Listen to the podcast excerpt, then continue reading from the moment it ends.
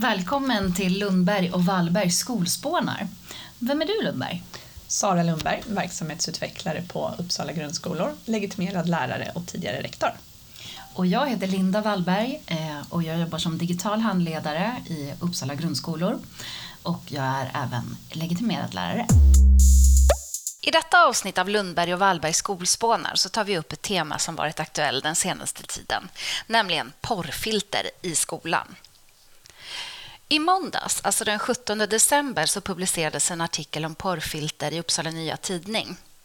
Och I den här artikeln då, som berör Uppsala kommun så lyfts dels organisationer som jobbar för att porrfilter ska införas i högre grad.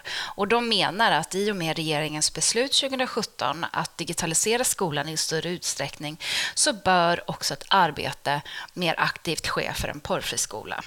Andra röster menar att större satsningar på sexualundervisning borde prioriteras framför porrfilter. Och på ungdomsmottagningen i Uppsala så menar man också att vuxna bör våga att diskutera sex med ungdomar i sin närhet och att det är viktigt med andra infallsvinklar till sex än genom porren. Carl Heath, som är särskild utredare för att värna det demokratiska samtalet samt utbildningsdirektör i RISE, driver podden Spaningen. Och I ett av de senaste avsnitten så lyfts studier som gjorts kring nyttan av porrfilter. Och de här studierna har visat på att effekten av att ha porrfilter är marginell. Sara Lundberg, alltså Sara Sara, intervjuades i sin roll som verksamhetsutvecklare med fokus på digitalisering i grundskolan till artikeln i UNT. Så Sara, vad är egentligen ett porrfilter och hur fungerar det rent tekniskt i Uppsala kommun? Jo, Uppsala kommun använder sig av ett webbfilter som levereras av skalskyddsleverantören Checkpoint. Filtret funkar så att för respektive nätverk, eftersom nätverken är olika för anställd personal eller elever eller gäster, eh, så har olika typer av nätverk olika typer av inställningar för vad som ska filtreras bort. Eh, men det som filtreras bort kan vara till exempel porr, skadlig kod eller kända virusspridare. Och därför blir det lite olyckligt när man pratar om porrfilter eh, eftersom det filtret som vi använder oss av i Uppsala filtrerar bort andra typer av skadligt innehåll eh, också. Så vad är fördelarna och vad är egentligen nackdelarna med porrfilter? Jo, fördelarna blir ju såklart att elever inte kan komma i kontakt med olagligt eller pornografiskt innehåll så länge de befinner sig i skolans nätverk. Men det är mer problematiskt än så, för även om den här listan med förbjudna sajter är omfattande så är ju internets komplexitet enorm, vilket gör att listan aldrig kan vara heltäckande eller fullständig. Och det kan också vara så att sajter som är legitima felaktigt klassas som förbjudna. Och då kommer vi osökt in på nackdelarna. För filtret som vi tillhandahåller från Checkpoint levererar en lista med sajter som då är kända inom respektive kategori som ska filtreras bort. Och listan hålls kontinuerligt uppdaterad. Men det man inte får glömma bort det är att den här listan görs av personer. Och det gör ju att listan styrs av personers värderingar om vad som är skadligt eller olagligt.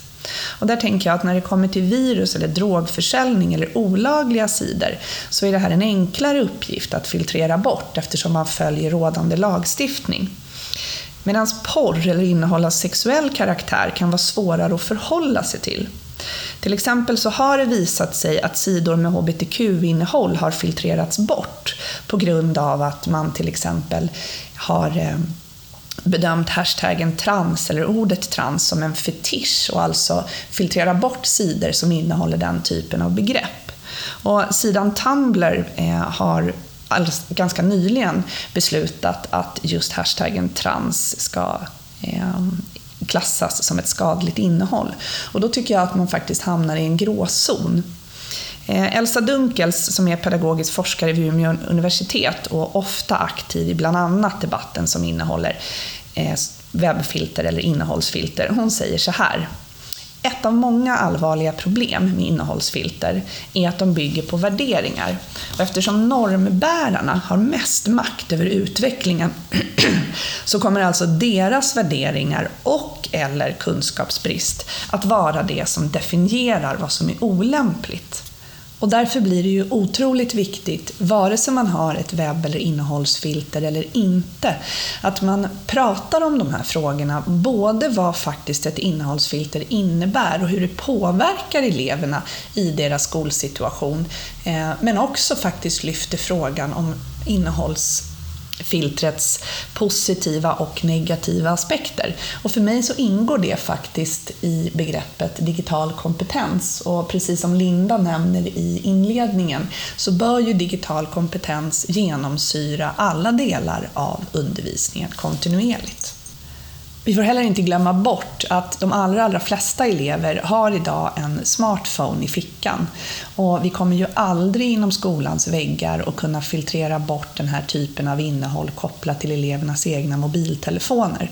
Och vare sig vi använder mobiltelefonen som ett pedagogiskt verktyg eller inte i skolan så är det någonting som vi vet att eleverna använder frekvent. Vilket gör att frågan om innehållsfilter bör lyftas på alla skolor, vare sig man har ett eller inte. Och även problematiseras, tycker jag, i lärargrupper och ledningsgrupper. För det här är en större fråga än vad man kanske kan tänka när man läser debatten. Och då menar jag alltså att elevernas mobiltelefoner ju sällan använder elevnätverket i skolan utan ju oftast är uppkopplat mot en vanlig 4G-mast.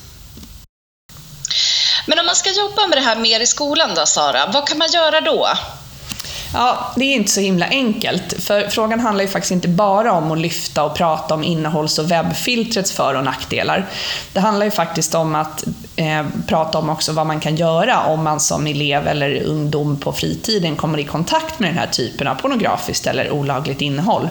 Och precis som du ju inledningsvis, Linda, lyfter på ett klokt sätt så handlar det ju också om att prata om porr och vikten av att förebygga så att prata om sex i undervisning och vi, med våra ungdomar blir naturligt, så att porr inte blir den primära informationskällan för våra ungdomar. Och jag tänker också att vi måste lyfta den här frågan från skolan och se till så att det blir en del utav ett vuxenansvar även utanför skolan. För precis som du säger Sara, så har ju ungdomar idag tillgång till hela internet via sin mobiltelefon. Och det är ju faktiskt ingenting som skolan kan filtrera eller reglera. Nej, och, och, samtidigt så har ju skolan en viktig roll att spela. Eh, så frågan måste ju aktualiseras i undervisningen. Så här tänkte vi att vi kanske kunde hjälpa till. Linda, har du några konkreta tips till verksamma lärare? Tips från Linda. Jag vill tipsa om en serie, en programserie som går på UR. Eh, Metoo, vad kan skolan göra? Eh, och det är flera olika teman på de här programmen. Ett är Vad vet vi om unga och sexualitet? HBTQ, ungdomars utsatthet. Sexuella trakasserier och skolans ansvar. Framtidens sexualundervisning i skolan. Machofabriken, normkritik för unga. Dags att prata om sexuella övergrepp förbud och filter, digital kompetens i skolan, en inkluderande sexualundervisning. Eh, det här underlaget eh, hoppas jag kan ge lite grann mer för dig som lärare.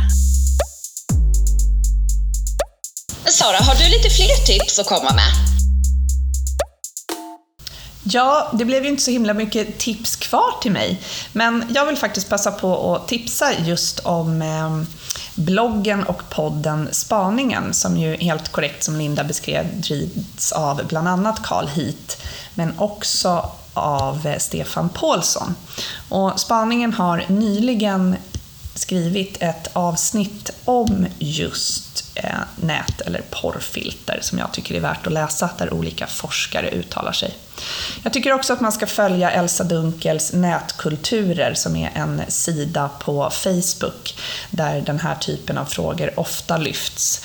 Och är man sugen på lite julläsning så är Maria Duvas bok Mitt barn på nätet ett tips från mig. Och med det här avsnittet så vill vi Lundberg och Wallberg passa på att önska god jul och gott nytt år. Ja, så får vi se om 2019 kanske bjuder på ett avsnitt där vi inte är så väldigt överens i allt. ja, för vi har ju tenderat att plocka ämnen så här i början där du och jag tycker väldigt lika och bekräfta varandra en del. Ja, och vi skulle tycka det var lite spännande om det blev lite mer diskussion. Och har ni tips på ett ämne där ni tror att vi kanske inte är så väldigt överens så får ni gärna mejla det till pedagoguppsala.uppsala.se. Bra! God jul! God jul! Gott nytt år!